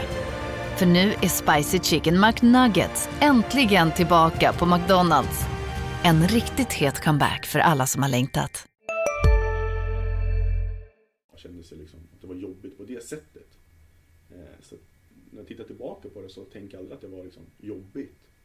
Men däremot så tror jag att man lärde sig mycket. Alltså det var ju det var ju ja, det var en incident, eller incidenter, men det var liksom inte så att jag kände liksom att det var tufft, tufft. Men jag tror kanske att om man spelar så är det säkert ännu värre liksom. Mm. Det är ju en enorm kravbild liksom. Men, men sen blev det Giffarna. Sen blev det Sen Giffarna. blev det Giffarna. Tog vi ett, fick ju med 2010 Miller också. Ja. Ja, sen var det Giffarna. Och det var, det måste ha varit desto roligare. Ja, det är väl kanske än idag det absolut roligaste året jag hade, eller haft hittills på fotbollsplan. Eh, Dels för att jag kommer ihåg att de tog ju kontakt ganska sent, det var nästan sista dagarna på, på fönstret. Eller de hade varit i kontakt innan men jag var inställd på, på att köra liksom. Så bilade jag upp, eh, hade presskonferens med samtidigt som Stefan Olander och sen, sen körde vi liksom. Eh, Det var ju liksom många som man kände lite grann sen innan här då Robban och Christian Ek och Emil och Holst var ju här och Alltså det var, det var ett fantastiskt år på, på alla sätt och vis. Det var ju Holster, Forsberg, Engblom gjorde väl eh, Mm. Eh, Sleeper var också med i den där. Det kanske han inte var. det? Men jag, jag minns att eh, det var Att någon var grej de där, hur tre många procent av målen ni Mm. hade stått för eller någonting va. Eh, tror jag. Mm. Eh, Och, och, Och de var Skulason var här och, och Kevin kom Walker kom också och gjorde... Hade en fin leverans på hösten då när han kom. Eh, om jag minns det hela rätt. Eh, men hur var det då liksom? Och var en del av... Det var ju ett, ett framgångsrikt år när ni gick upp i Allsvenskan. Ja, nej det var... Jag vet inte, det var harmoni. Det var harmoni, kropp och själ. Eh, alltså, det som jag absolut sätter mest pris på den är väl kanske att jag fick spela med Emil liksom, för första gången på, på seriöst liksom, fotboll. Vi hade spelat mycket innebandy när vi var yngre, men vi hade spelat fotboll tillsammans. Vi var ju bara 19 år faktiskt. Vi skulle fylla 20 den säsongen. Vi hade väl ganska stora, stora roller i, i laget också. Eh, och var, eh, hade en bra säsong. Eh, men bara stämningen i, i laget och i gruppen var liksom väldigt bra. Vi hade väldigt mycket kul och vi gjorde mycket saker i, i stora gäng. Liksom. Vi åkte ut och fiskade och vi gjorde aktiviteter och sådana här saker. Så, ja, bara liksom helheten var liksom guld. Och så hade vi ju sommaren så vann vi sju raka matcher tror jag. Och det var då vändningen kom liksom. Eh, och, ja, sen höll vi på att dribbla bort det på slutet ändå men vi fick ju lite hjälp. Vad var liksom nyckeln då tror du till att ni... Att ni blev... Att ni gick upp det året? Vad var framgångsreceptet liksom? Vi hade ju ett riktigt bra lag, det hade vi ju. Eh, vi, så, var det ju Robban och David på varsin kant av backarna, så var det Brink och eh, Olander mittbackar och så Tommy mål och Eh, Roger och Ari första halvan och Ari och Kevin andra halvan centralt på mitten, Holster tia, Emil vänster, Sliper höger. Så var det jag där framme liksom, eh, de flesta matcherna. Och det, det är ett bra lag på pappret liksom. Och, men sen hittar vi, vi hittar roller. Eh, Jag menar jag spelade med de fem bakom mig, riktiga, riktiga bollspelare. Och jag märkte väl ganska fort att ja, öppna ytor till dem och se till att de får så mycket tid som möjligt med, med boll. Så gör sig spelbar och peta in så många bollar som, som möjligt. Så att jag tror också att vi, vi fann roller och Emil kunde fuska ganska mycket i, i försvarsspelet för David täckte upp hela den här kanten själv. Och Sliper och, David, eller Sliper och Robban och Pavel spelade en del höger också. Fick ju liksom Just det. fick ju liksom relationer då på den sidan. Så, att, så de två centralt, det var liksom box-till-box spelare och bra passningsfötter och hörnor och frisparkar. Och. Jag tror liksom bara att rollfördelningen var liksom det, Mm. det som gjorde det. Hur- och harmonin i gruppen. Mm. Hur, hur upplevde du eh, Emil då? För där, där har det ju skrivits i eh, efterhand också hur, hur mycket han har jobbat med fysiken och de här bitarna. Eh, hur upplevde du att, att han var då? Hur skötte han sig då? Kanske som en vilken 19-åring som helst Ja. Nej men det är klart att han har ju sagt det själv och det var ju harmoni. Det var väl kanske harmoni, Mm. lite mycket harmoni på sidan av också. Ja. Eh, Både för, för han och för mig på, på sitt sätt. Men, men han har alltid varit väldigt, väldigt träningsvillig. Alltså Mm. han gick ut, och han fick ju med mig och många fler på det också. Han gick ju alltid ut nästan en halvtimme innan och hällde ut en bollsäck. Eh, Nu ska jag inte rekommendera det här för folk som, som är 18-19 år. Värm upp först. Ja, värma upp innan. Men han, han, hällde upp en, han hällde ut en bollsäck på 25 meter och började dra, dra långskott liksom. Ja. Eh, Och vi hakade ju på då. Eh, Men på den tiden så, så hade man inte lika behov av att värma upp, en, värma upp folk innan vi började pumpa 20-30 skott. Liksom. Ja, det kan jag intyga. Jag, jag, jag drog faktiskt till med en vrist här när jag var och spelade boll i, i, söndags. Och framsida direkt alltså. Jag, jag spelade ju match igår. Framsidan? Alltså baksidan Nej, är ju framsidan. vanligare. Jag sopade och- på vet du. Så det är... Ja, jag har ont faktiskt. Så värm upp. Fortsätt. Eh, Nej men så, han har ju alltid varit liksom väldigt eh, träningsvillig och alla sådana där saker. Men, eh, alltså jag vet inte exakt, jag vet inte exakt vad han la om i, i träningen och sånt. Men han har ju, han har ju byggt på fysiken under åren, Mm. liksom, framförallt i Malmö då. En riktigt ståtlig. Mm. Så att, men det har väl med att han ändrar väl säkert lite detaljer i sidan av liksom. För att få dem ut de extra procenten. För att det är lätt att säga nu när han är kanske en av Sveriges bästa fotbollsspelare och assistkung i, i Bundesliga. Mm. Men någonstans i mina ögon, från att han blev uppflyttad till, till Giffarna så har han ju alltid för mig haft ett, en internationell spelstil. Eh, han har liksom haft det där eh, bolltouchen och kunna göra sin gubbe och flyta med bollen och hitta ytor och vända upp och snabbt skott och liksom, alltså snabbt tid, alltså tillslag på bollen har ju varit väldigt speciellt. Och det var väl ännu mer speciellt nästan när han spelade här och i Malmö än vad det är nu. Mm. eh, om man kollar på liksom där och då. Men i mina ögon har han alltid haft ett, ett internationellt snitt i sina egenskaper. Hade du trott att han skulle bli så här bra? Nu var det i eh, veckan här någon drömelva, det var de här Who Scored som hade tagit ut den ut efter något betygssystem och då var ju han med bland annat, men inte Ronaldo. Nej. Hade du trott det då? Nej, alltså det är svårt att säga. Det är mycket som ska klaffa liksom. Mm. Eh, Men han har ju verkligen tagit eh, varje steg eh, och gjort det bra. Liksom. Så han har ju liksom gått en trappa då, dit han är idag. Och alla, alla val, alla beslut han har tagit har ju varit ja, exceptionellt bra. Liksom. Och han har gjort det väldigt, väldigt bra där han har varit också. Mm. Men hela tiden utvecklas och hållit sig skadefri mer eller mindre. Och det är också väldigt viktigt för honom. Eh, På så sätt har han byggt upp en, en väldigt bra fysik och självförtroende har ju kommit efter vägen. Men det har han alltid haft också på sitt sätt. Men det har blivit ännu mer tydligt nu då. Liksom. Mm. Han, han pratar ju också om att eventuellt komma tillbaka till, till Giffarna och att han kanske vill göra 100 matcher snackade han väl om. Se om Holster och Silber kommer då också. Ja precis. Men jag tänker med hela gänget. barndomsvännerna eh, och bästa kompisarna återförenas i Giffarna. Jag tror inte Urban skulle säga nej. Nej, det, det tror inte jag heller. Jag kanske kan skriva in dem om Emil kommer att de måste ta mig på köpet också. så, så att, eh, nej men det hade varit kul faktiskt. Men, man vet ju aldrig fortfarande men det hade varit väldigt kul. Mm. Ja, Men det är en av dina, en av dina bästa vänner också. Liksom. Hur, hur eh, mycket fotboll och, och sånt snackar ni då när ni, eh, när ni pratar med varandra? Nej men det blir en hel del. Men det är mycket annat också eftersom det är fotboll mest hela tiden annars. Liksom. Vi var ju en sån, sån grupp på, på telefonen, och jag, han och, och Putte Bolin som var inne på. Liksom. Och det går inte många, många timmar på dygnet utan att det plingar till i den. Liksom. Det kanske var den det plingade i nu, ni hörde förut. Så. Du är ursäktad. Ja, exakt. Nej, men så vi har väldigt, väldigt tät kontakt liksom. Men det blir en hel del fotboll, det blir det. Mm. Eh, framförallt med matcher, vi försöker ju se varandras matcher så mycket det går. Och Putte ser väl nästan alla matcher, både med, med mig och, och Emil. Så att, Men hur många ser ni med Putte? Ja, då gick väl en, jag, tror jag, såg, jag har sett en, jag har streamat en när han spelar Gamla Uppsala. Ja. Eh, så jag var ju tränare med hans lag också när jag var besökte Uppsala också. Så att, ja, han har ju inte varit dålig heller egentligen. nej, han har varit uppe han väldigt bra 1. faktiskt. Eh, men nu har han ju slutat, han har lagt ner nu, nu är det bara studier för honom. Men han är ju den smartaste av oss också så det kanske blir bra. Superagent så småningom. Ja. Men eh, vi har ju varit lite kronologiska så Ja. vi ska väl kanske fortsätta med det. Jag tänkte också Eh, det. Det blir Haugesund nästa va? Ja, det blir det va? Du var tillbaka till, till eh, AIK en, en sväng efter Giffarna då. Du Mm. hade ju kontrakt med dem. Eh, Men hur, sen... Hur länge till blev det då? Ett halvår. Ja. Men eh, då, hur var det med speltiden då? Det har inte jag färskt i minnet. Eh, nej, jag, jag spelade ganska mycket från början. Jag Mm. gjorde väl mål i en Var det under Alm? Mm, Ja. precis. Han tog över där 2011. Mm. Så det var hans andra säsong. Nej, men jag kom ju tillbaka då. Det var ju det var lite snack om, snack om att jag skulle vara kvar här. Eh, men AIK förlängde mitt kontrakt som gick ut då egentligen 2011. Förlängde med två år när jag åkte upp hit eh, och spelade. Eh, så då var väl tanken att jag skulle tillbaka och jag var ju sugen på att visa mig där då, för jag kände att jag hela tiden tagit steg.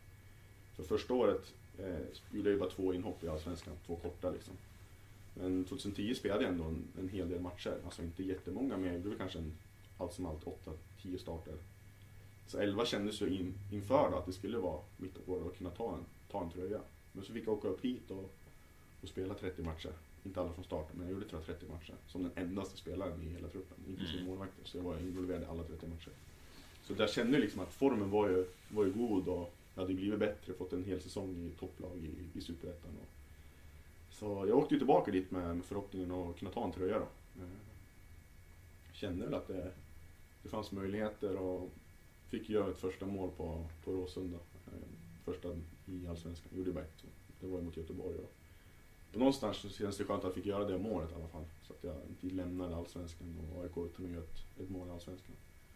Jag tror den kom i 21 matchen eller någonting. Det var ju Mm. mycket inhopp då, korta inhopp. Men sen var det mindre och mindre speltid under våren och då kände jag väl att jag kan inte kasta bort 2011 som var mycket speltid. Och då, hörde, eller då snackade jag med sportchefen och Jens och han sa att de hade fått ett bud på mig och han sa att det var inte så vanligt att de får ett bud på en som sitter på bänken eh, från Haugesund. Och han sa rakt ut att han, han trodde på mig men att det kanske var bra för mig att få ett, eh, en, en ny miljö, testa något nytt och chans att, att komma utanför Sveriges gränser också. Så jag besökte dem där i, juni, juli. Eh, och bestämde mig ganska snabbt att vi, vi på det. Så det gick flyttlasset i, i juli. Haugesund var ju klubb då som liksom eh, på väg upp och så satt, satt mot Europa och liksom hade väl gjort, hamnat rätt högt va, i ligan? Ja, de hade, varit, de hade gått upp några, några år innan och blivit topp top 6, topp 8. Mm. Då, där jag gick dit och så var de ju fyra. Hade kvartsfinal i cupen och sådana grejer. Så det kändes ju bra att gå hit. Sen kom ju David bara någon, tre veckor senare Mm, också. med Kom standard, David precis. också. Så det var också skönt.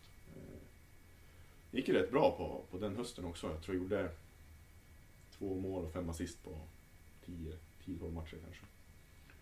Eh, Men vi, vi torskade mycket och vi blev kanske sjua till slut. och sånt där.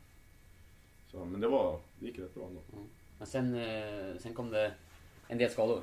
Ja, sen började det ju där året efter och då är vi på 2013. Eh, hade en jättebra försäsong, kanske den bästa jag någonsin haft. Eh, kändes prima och de hade ju, det var ju bra forwards där också. Landslagsanfallare Alexander Söderlund som är i, i, i saint Etienne nu. Var ju där och Christian Gytja som var i Rosenborg och spelat i 1860 München i, i eh, vår här och sådär. Så det var ju bra konkurrens men där uppe på försäsongen så gick det väldigt bra. Det var ju nästan så att jag var först i kön. Men eh, sista träningsmatchen så drog jag av baksidan ganska rejält så jag missade sex veckor. Mm. sen efter det så började ju skadorna. Började ljumsk, eller ljumskskadan som jag hade problem i till och från i nästan två år. Liksom. Så det var eh, lite speltid och eh, mycket rehab liksom. De gångerna jag var frisk förklarad eller vad man ska säga och var aktuell så, så spelade jag lite grann men det gick inte speciellt bra utan jag kände ju av det hela tiden. Och sen var det ju två, ja, en, från sensommaren 2013 så var det ju rehab. Efter jag var här liksom. Jag, gick, jag gick hit på lån då för att få speltid men då kände jag ganska tidigt att det var inte borta liksom. Eh, Så då, det var det ju bara ett par matcher här sen var det ju rehab från september. Liksom. Vad var skadan då liksom? Vad, går det att säga vad, den, eh, vad det var för någonting? Nej, eller? det är det som är grejen. Jag var ju överallt. Jag var ju till Läkare Oslo, Haugesund och Göteborg och allting under de här två, ja, 13 och 14 de säsongerna. Så jag fick ingen riktigt svar. Det jag väl kanske kom fram till var väl att jag var felbelastad och feltränad egentligen. Eh, framförallt i bål och ja, i bålen framförallt. Så det var väl det som vart, ja, vart det jag jobbade efter. Då. Så jag ja, byggde om det på nytt egentligen. Vad var det som var feltränat? Hade det varit något i föreningens träningsupplägg där du hade varit? Eller var det i något du hade gjort på egen hand? Eller man, kan man spåra det liksom? Jag tror alltså jag, när jag kom till Sandnes då, då vi på 2015 hade jag haft problem i, i två år. Mm. Då fick jag kontakt via vår tränare av en eh, kiropraktor som eh, anställd av Milan. Mm. Som jobbar där en gång i, i månaden.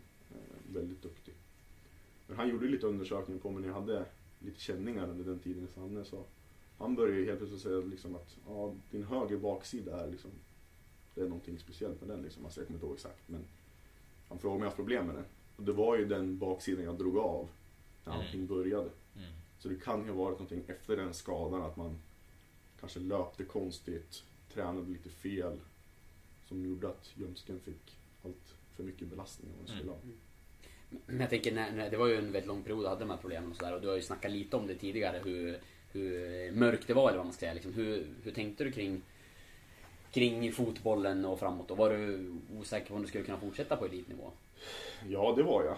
Alltså, första gången det kom så var det en skada liksom. Och det var första skadan, den riktiga skadan jag haft egentligen. Som satt mig inte att spela en längre tid. Så det var väl inget mer med det, det var ju bara att köra. Eh, men det var just det där att det var så diffust, jag visste vad det var. Och när det kom tillbaka då året efter, 2014, efter några omgångar in i säsongen så då var det ju, då kände jag mig uppgiven liksom. Eftersom jag inte visste vad det var. Och, alltså, jag hade ju aldrig riktigt funderingar på att sluta eller något sånt där. Men jag kan ju alltså, erkänna att jag visste inte om det skulle gå. Eftersom det blev ju som inget bättre. Och smärtan var ju liksom, det kändes lite som en kniv. Det satt en kniv i ljumsken i några, några minuter när det hände liksom. Och så släppte det upp liksom. Och så kom det i vissa lägen. Och man gick ju hela tiden och kände efter. Liksom. Känns det bättre nu? Slog på ljumsken. Nej men nu känner jag ingenting. Eller oh, jag känner lite där. Liksom. Så det blir ett mentalt spöke också under den perioden. Mm. Vågar man berätta för föreningen hur pass illa det är? Att, att du har en sån fundering? Jag, jag tror inte att det, jag tror att det kanske inte kommer gå. Vågar man berätta det för föreningen? Eller kan det någonstans eh, finnas en oro då för att och kanske tappa sin plats i, i prioriteringskön? Ja, nej jag sa ingenting i alla fall. Eh, jag tror inte att det, det hade hjälpt. Alltså det är klart att man, man, man bollar ju mycket med den som är eh, fysio. Alltså den som har ansvar för, för hälsan och läkare och sånt där.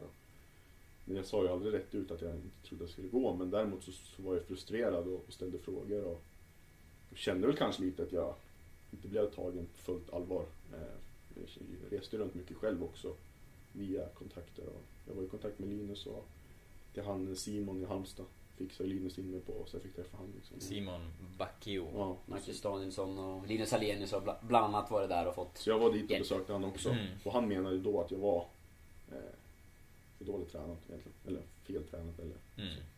Så det var efter det så åkte jag tillbaka till Haugesund och så började vi bygga om på, på nytt egentligen. Så jag började egentligen med basiska övningar och så stegrade vi det var, var tredje dag ungefär. Lite grann med vikt och lite mer balans. Och, så var det egentligen så det försvann då.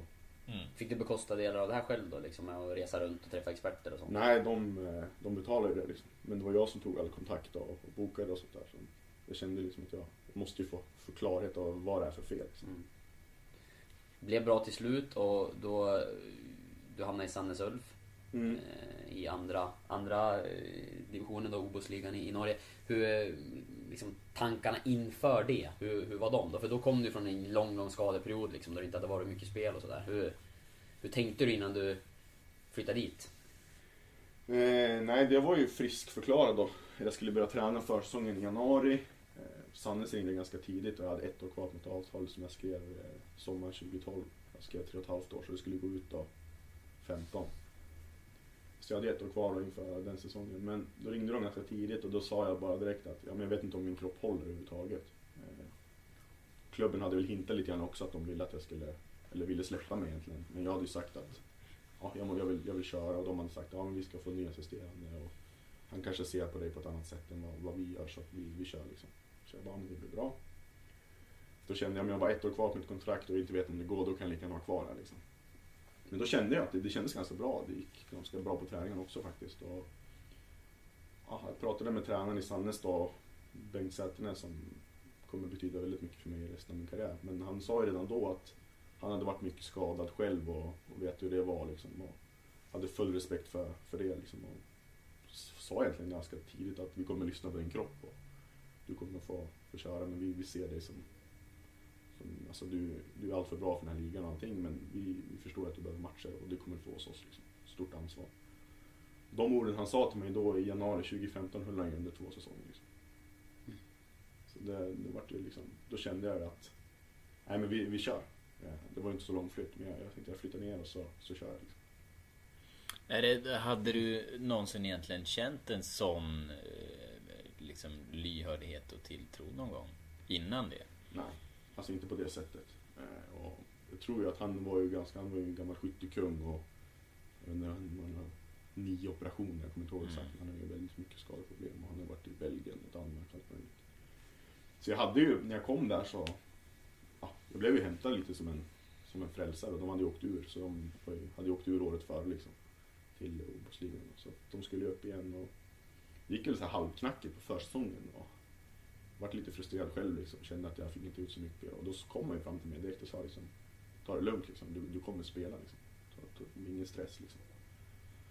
Hade en eh, medioker första match i ligan. Så gjorde jag mål match, match nummer två. Och sen efter det så, så rullade det bara på egentligen. Hade två korta, korta skadeperioder under den säsongen. Men det var liksom två muskelbristningar. Och det är sånt som kan, kan hända liksom. Var det 50 mål på två säsonger? Nästan, jag tror jag slutade på 45 eller något sånt där. Ja. Mm. Nu är vi dubbla, dubbla skytteliga-segrar. Delat Mm. ett år och ensam i topp Mm. senaste säsongen va? Ja, precis. Ja, Så att, alltså det vart ju, det vart ju precis som vi hade hoppats förutom att vi inte gick upp då. Det var ju planen också vi skulle gå upp. Men ja, vi, vi fick inte riktigt ihop det som lag men personligen så gick det ju väldigt bra i, stora delar av, eller egentligen hela tiden. Jag hade nästan aldrig mer än ett par, ett par matcher utan mål liksom, under de två säsongerna. Och jag spelade ju mer eller mindre Förra säsongen så spelade jag ju allt, allt liksom. Mm. Nästan alla minuter också. Det var några gånger jag blev utbytt för att vila liksom. är det bäst, bästa tiden i, i karriären hittills då? De här, de här två säsongerna i, i OS-ligan? Personligen ja. Eh, Alltså, jag kände att jag utvecklades också. Vi jobbade mycket på sidan av, jag och han, och diskuterade väldigt mycket om, om detaljer i spelet som jag aldrig har pratat med någon annan om. Och som man har lärt sig mycket om avslutningsteknik och rörelsemönster, liksom, just därför att göra mål. Eh, inte så att vi tränade så här jätte- jättemycket extra, men det gjorde vi också. Liksom. Men det var mest liksom, prata om det och kunde diskutera efter en match. Liksom. Jag kunde gå igenom ett friläge som jag missade. Liksom, att, hur tänkte du här? Liksom, vad, vad skulle man kunna göra annorlunda? Och, och sådana saker. Så, personligen så var det det. Men om man ser till liksom, 2011 sätter jag ändå högst liksom, hittills i min karriär på, just på grund av ja, allt som att vara, det var min hemstad, vi gick upp som lag och det gick ju bra för mig personligen, jag fick ju spela men också fick göra med Emil och så. Men om man ser till liksom insatser och så bra, så bra som jag var de här två säsongerna så är det ju liksom Plus också med historien med som var med skadan innan också så vart det ju lite en revansch och comeback för mig. Liksom. Mm. Men eh, avskedet där, för kontraktet gick ut. Det var ganska, eh, var ganska känslosamt. Vill jag minnas. Hur, eh, hur gick tankarna när, när kontraktet gick ut? Eh, nej men det var ju alltså, det var ju ett ganska enkelt beslut att ta eftersom jag skulle egentligen bara få spela matcher och, och sen ville jag ju testa mig in, in högre, på en högre nivå igen. Mm. Och sen skulle vi gå upp och hade vi gått upp så hade jag absolut kunnat tänka mig att vara kvar där. Men vi, vi kvalade ju upp förra året och fick inte ihop det riktigt på de kvalmatcherna. Och så, eller den kvalmatchen, så åkte vi ut. Och, men då kände jag väl att eh, det var dags att göra någonting nytt och testa då. Så var det en ny situation, jag har aldrig stått utan kontrakt förut heller. Liksom. Så det var liksom lite spännande på så sätt. Men det är klart att med tanke på allt klubben, alltså just Sannes Ulf kommer ju alltid vara speciell för mig och Bengt Sätnes framförallt. Liksom, Mm. för att de, alltså, indirekt så kanske de räddade min karriär. Mm. Alltså hade man kommit till en annat, ett annat ställe där tränaren inte hade varit lika förstående och haft lika mycket tål, tålamod. Jag tänkte säga tålmodighet, men det är på norska. Ja, jag tänkte faktiskt komma till det där med en fråga sen för eh, du, har ju, du svänger ju med en del norska uttryck nu mer. Du har, hur många år är det i Norge? Från... eh, Det är ganska precis fem år. Ja, Eh, Så att, ja. Men du jag, mixar ju faktiskt en del. jag har gjort det nu idag. I så fall Nej, jag har inte tänkt men jag... jag Där och då har jag hört väldigt mycket, men det vet jag inte om, om Ja, de använder kanske i. Norge. Men Ja. Nej, idag tror jag kanske... Men... Jag försöker tänka på det hemma, men ibland så... Men de har faktiskt vissa norska ord där faktiskt finns liksom ingen direkt översättning på svenska. Som egentligen man kan använda då, som man inte kan... Det finns ett ord som man kan använda på i svenska. Nu kommer jag inte på vilka det är, men det är några i alla fall. Ja. ja men det är fint. Eh, ta seden dit man kommer. Men eh, apropå det, olika länder och sådär. Du, du var ju med i eh, när vi sände live från Giffarnas eh, första träning i vintras. Mm. Eh, och då, då hade du inte valt klubb, eller du hade inte skrivit på än. Och då snackade vi en del om vilka länder och sådär som det fanns intresse från. Och, och, det, det var ju ganska många olika. Och det Ja. var ju lite speciella länder också. Eh, Jag har skrivit upp här några som jag kommer ihåg från, från det snacket. Eh, Colombia eh, var kanske det mest spektakulära. Men sen var det väl Ryssland och, Polen och eh, ja, det var ju nordiska länderna och sådär också. Men de här som var lite mer spektakulära. Vad, vad var liksom det mest spektakulära och eh, ja, konstiga eller udda landet som det kom förslag från? Var det, var det Colombia? Ja, det var Colombia. Vad var det för klubb? Jag vet inte vad det var, men på den där, alltså, jag vet inte riktigt hur det funkade just nu för andra, men för mig var det mycket, så det är många som går på statistik och kollar liksom vad han har gjort de sista åren och så hörde jag av sig folk liksom. Jag hade ju förfrågan från Iran också. Eh, då är det så, så det, kan det vara folk som skriver på Facebook, så man vet inte trovärdigheten. Men den här Colombia var faktiskt en som, som hörde av sig till min agent Stefan och, och sa, frågade om jag kunde tänka mig att åka och spela i Colombia. Eh, var rätt, var ju rätt bra smet liksom, men det var ju liksom kändes ju väldigt långt borta. Så jag sa ju att nej direkt då. Men det var en förfrågan fall. Hur, hur bra betalt hade det varit? Jag kommer inte ihåg exakt men eh, jag tror inte att de nämnde någon, någon exakt summa heller. Utan det var mer en intresseförfrågan. Men Mm. det lät ju på dem som att de kunde betala hyfsat bra. Liksom. Men, Tror du att du hade behövt jobba något mer? ja, så, så bra var det inte. Det inte så. Nej, det var inte, då hade man kanske kunnat värdera det. det var så bra, men, nej, men det var inga summor så, men det lät ju på dem som att det kunde vara hyfsat bra. Liksom, alltså nordiska mått mätt liksom, och sådär. Googlade du Colombia lite närmare då? Eller? Nej, jag gjorde faktiskt inte. Jag tackade nej där på, Ja. på volley liksom. Så att det kändes som aldrig som ett alternativ. Men det var, det var lite, lite kul. När du kokade ihop det sen då, vad... Nu blev det ju Strömsgodset, det vet vi här idag. Men eh, vilka... vad fanns med i slutet liksom? Vilka, kan du inte nämna klubbar, så vilka, liksom, vilka länder och, och vad värderade du mest där och så? Nej, men det är ju en helhetsbild liksom. Alltså jag kommer ju någonstans måste jag förstå min, min plats i näringskedjan också. Jag kommer ju från en andra liga och det var ju många som... Den vanligaste frågan vi fick var liksom att ja, men det, det ser bra ut men vi ställer oss frågan till nivå. Vilket jag förstår och köper. Eh, så någonstans så kände jag att det, liksom, det var tre saker du fick värdera in. Alltså absolut det sportsliga. Eh, sen det sociala och så ekonomin. Eh, Mm. Jag kände ganska tidigt att det blir svårt att få alla tre.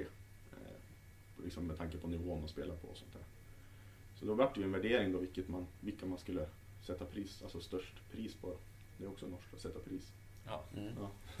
ja, men det man skulle värdera högst då liksom. Vilka, vilka av de där tre, tre sakerna. Eh, Men eh, det som var på tapeten det var faktiskt en rysk klubb. eh, Som, som jag var långt gångna med i förhandlingarna.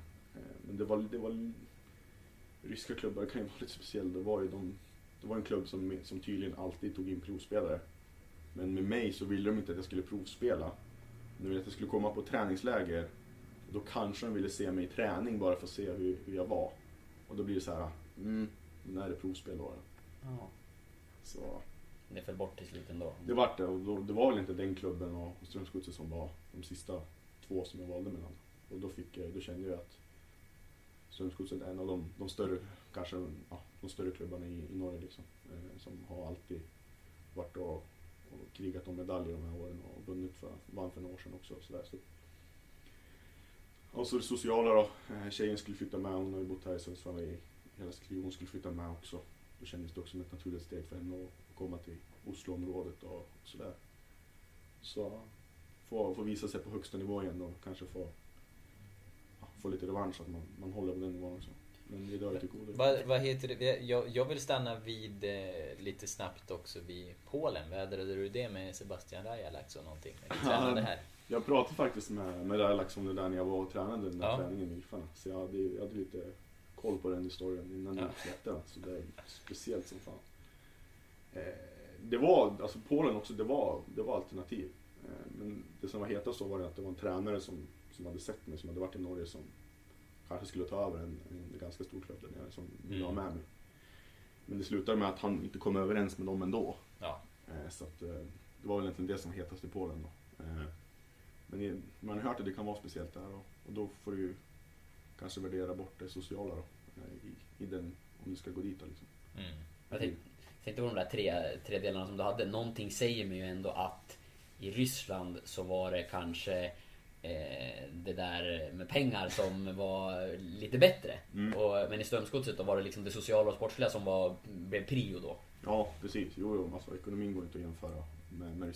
Det var, det var bra smet. Eh, eh, alltså inte så här eh, överdrivet, men och inte att jag skulle kunna lagt mig på en solstol resten av livet heller. Men det var, det var bra betalt liksom. Och det var ju ändå, alltså ryska ligan sportsligt är ju också, det är ju en bra liga liksom. Eh, Men då blir det sociala och kan ju tänka mig att om det inte går så bra för en där så kan det säkert vara väldigt tufft också. Eh, staden som det var snack om också låg ju kanske mitt ute i ingenstans heller liksom. Så, att, så det var ju liksom, då, då fick man ju verkligen väga klubbarna mot, mot liksom, vad man kände och sådär. Mm. Eh, Men då, jag kände väl ganska snabbt då också att då, då vill jag gå till en klubb som verkligen vet vem, vem jag är och eh, ja, att de tror på mig. Mm. Vad, vad säger du om det som har varit hittills då i Strömsgodset? Det, det Det har inte blivit den speltiden som du hade Nej, har hoppats inte. på. Det har det absolut inte. Är det en start, sex inhopp Mm, så långt det kan nog stämma. i ligan? Och det är inte så många långa inhopp heller. Eh, Så det har varit väldigt lite speltid. Men jag har känt mig bra form, fysisk form och sånt där. Jag spelar ju mycket försäsong, gjorde inga mål då, så det är väl det som spelar in lite grann också kanske. Men jag har aldrig gjort mycket mål på försäsong, men det är svårt att gå in och säga det till en tränare. Har jag gör aldrig mål på försäsong. Liksom. Men, ja, det är klart att det var lite tufft, men någonstans så, det är så här det funkar liksom. Eh, vi har ju gått tufft som lag också liksom. Och då gäller det bara att man, man biter i och kör liksom. Det, det finns ju inget annat man kan göra liksom. Men det, det är klart att det har inte blivit som, som jag har tänkt mig. Eh, jag hade hoppats på att, få spela mycket mer än vad, vad jag har gjort. Men det gör ju alla. Så att jag är nog inte ensam av de som sitter på sidan som, som känner så. Vad... Eh, lite, hur nära känner du dig idag att få speltid igen kliva in och starta? För det är väl ingen som har gjort mer än tre mål? Nej, precis. Nej, det, det är alla möjligheter känner jag. Eh, det är klart att det, det är alltid en konkurrenssituation och så ska det ju vara med klubbarna liksom också. Så det är, det är inget konstigt med det. Men det är klart att det, jag känner väl personligen att jag, jag borde vara ganska nära. Men det är ju det är tränaren som bestämmer. Liksom. Och det, det, det låter ändå som att de är, de är nöjda med mig sådär också. Så att Mm. Det borde ju vara bara att köra på så. så Hur, hur är er dialog då? Vad är det som, vad är det som saknas? Eller har man en sån dialog? Ja, det är klart att man har en sån dialog. Eh, Men det är liksom mest bara att, ja, just att det är en konkurrenssituation och att de, gör, de tar ju alltid ett beslut av vilka spelare de tror de har störst chans att vinna matcherna. Mm. Och det, det, det måste man ju liksom alltid acceptera också. De gör ju en bedömning liksom utöver ja, träningar och sånt där också.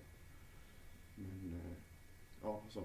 Det, det är liksom, fotbollen är ju sådär. Det är, det är konkurrens och det är, när du hamnar utanför så du kan ju gå fort så är du inne i värmen igen liksom också. Du behöver bara kanske få sätta en stolpretur eller en målvaktsretur och så, så kan det ju vända liksom. Framförallt som forward så kan det ju vända fort åt bägge håll. Liksom. Så att, och det vet man ju om, man har ju varit med i gamet så pass länge också. Så att, det är väl ingenting som, som stressar mig, men det är klart att det är frustrerande. Man vill ju alltid spela så mycket som möjligt. Och framförallt få chansen då, så jag väntar ju fortfarande på det.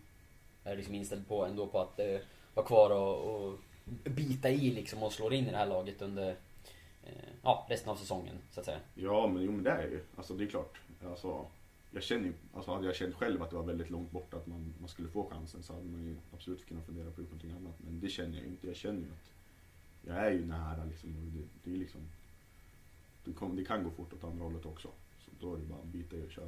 Mm. Ta på sig, vad ska man säga, arbetshandskarna och gnugga på liksom. Hur är eh, organisationen där då? Hur, eh, hur är miljön att vara i jämfört med exempelvis Giffarna då, som vi kanske mest kan relatera till här? Vad är de stora skillnaderna? Det är, alltså, det är inga jätteskillnader. Det är lite mer folk på träning, lite större app- apparat. Det kanske också Ja, förstår. ja, ja men en så, så typ. säger man väl. Ja. Ja, exakt. Eh, nej, så där är det ju, det, det märker man ju, alltså sådana saker. Men jag kan ju bara jämföra med de klubbarna jag har varit i. Och AIK är ju klart AIK. Men Haugesund är också en mindre klubb, eh, lite mindre resurser och Sandnes lika så. Så på så sätt är det ju mer professionellt och eh, mycket mer material och tillgångar till, till saker och ting. Många tejprullar. Många tejprullar och många system och olika ska man säga, mm, verktyg under träning. Ja men det snackade vi lite om Ja. innan vi började här. Det, Ja. det, kan du inte kort bara berätta? Ni har ju ruskigt noggrann eh, liksom analys och, och mätinstrument av eh, vad ni gör egentligen. När ni, I form av liksom löpning och, och sådär. Av Dels. Mm. dels får ni klipp på det själva och sånt efter alla matcher och så. Det pratade vi lite om. Men, men sen just när det gäller hur ni springer. Mm. Nej, vi, det är något system som är, alltså många klubbar kör ju. Jag vet att det är, det är säkert en del svenska klubbar också som kör det. Men det är som en eh, GPS-bricka som du har. Sätter på en form av sport-bh så har du en GPS-bricka på, på nacken.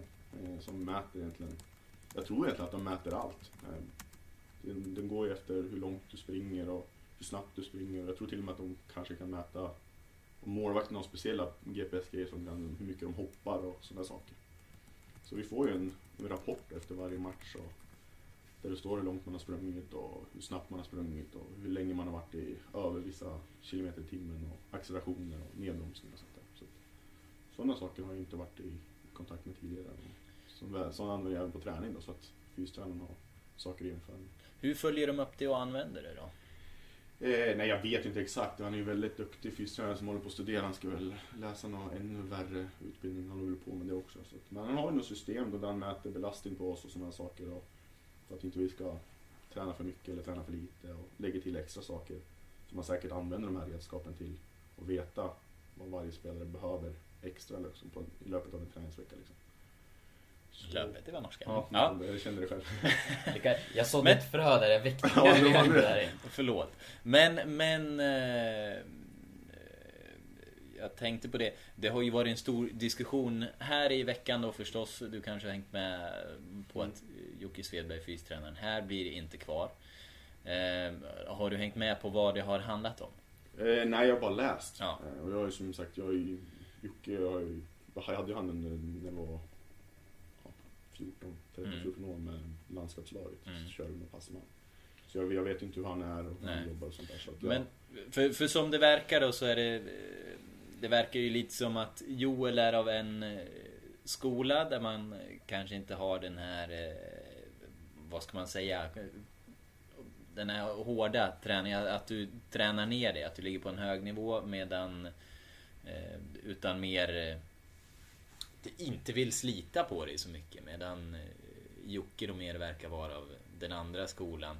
Att du ja, helt enkelt lägger upp det kanske mer eh, traditionellt att du Ja, vad, ska man säga? Att, det- jag vet inte om jag förklarar det bra men att du tränar ner dig för att och sen ja, träna på en högre nivå närmare ditt max medan eh, ja, medan Joel mer vill att de ska vara eh, fräscha och i form inför träningarna så. Vad Går det att säga vad ni är i, av för skola i din klubb? Eh, jag vet, det är ju svårt att veta liksom man, man inte är mitt i det och vad det är för skillnad och Mm. sånt där. Och det är ju alla, alla har ju olika tänk. Alltså det har man med, med överallt liksom, oavsett om det är fystränare eller tränare så har de ju. Men eh, jag tror ju alltså, våran fystränare har väl ganska, ganska bra koll och ganska bra möjlighet att hålla koll. Eh, Mm. Så går han ut efter vad, ja, vissa, säkert vissa forskningsgrejer och, och vissa saker som man, som man menar att man måste klara av på en träningsvecka och, sådana saker för att vara klar till match. Eh, jag tror han hade säkert lagt in några extra övningar också som, han, som är bättre för skadeförebyggande också. Och så där. Så att, ja, det är svårt att säga liksom. Och man är man har ingen koll själv. Man har ju en treårig utbildning på samhällidrott på, på Hedbergska. Inget, inget ont om den, men det är liksom inte så mycket mer än...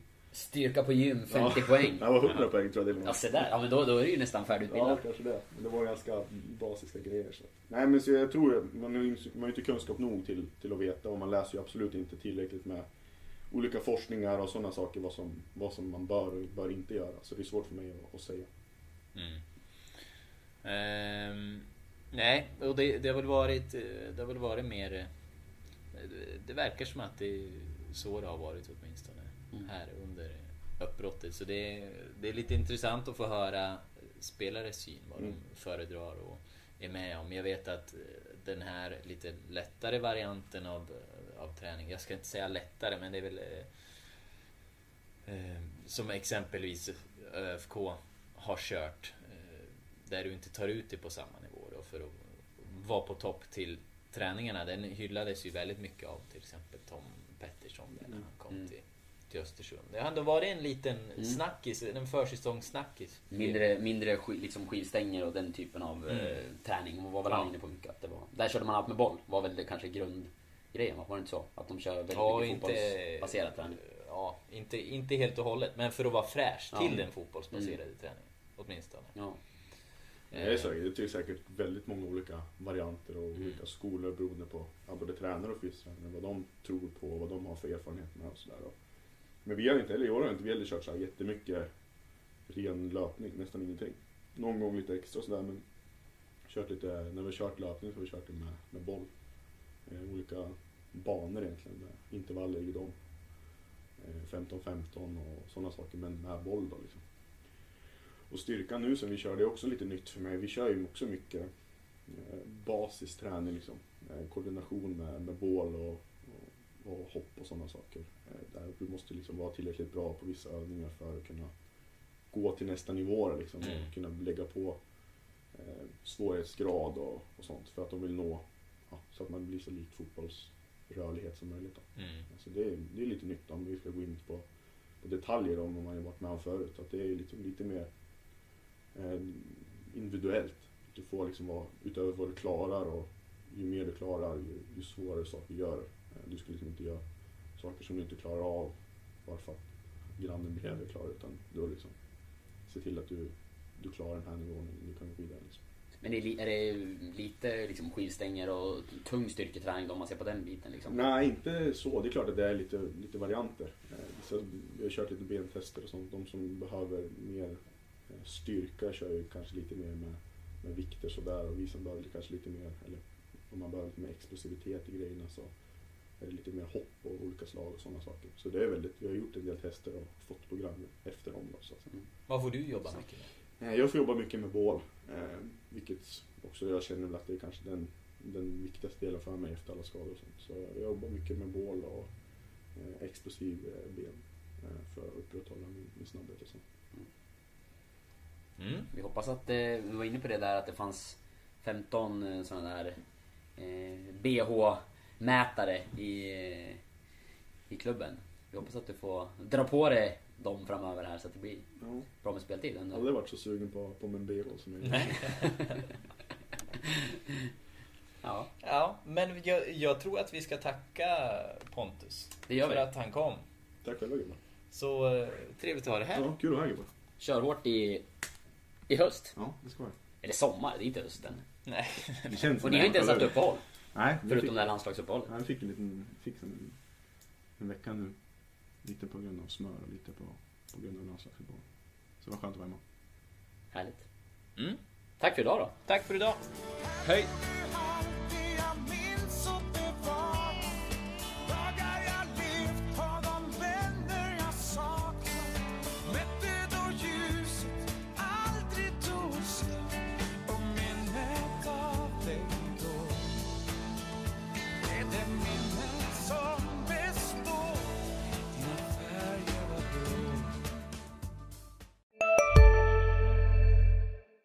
Om en yogamatta är på väg till dig, som gör att du för första gången hittar ditt inre lugn och gör dig befordrad på jobbet men du tackar nej för du drivs inte längre av prestation. Då finns det flera smarta sätt att beställa hem din yogamatta på. Som till våra paketboxar till exempel.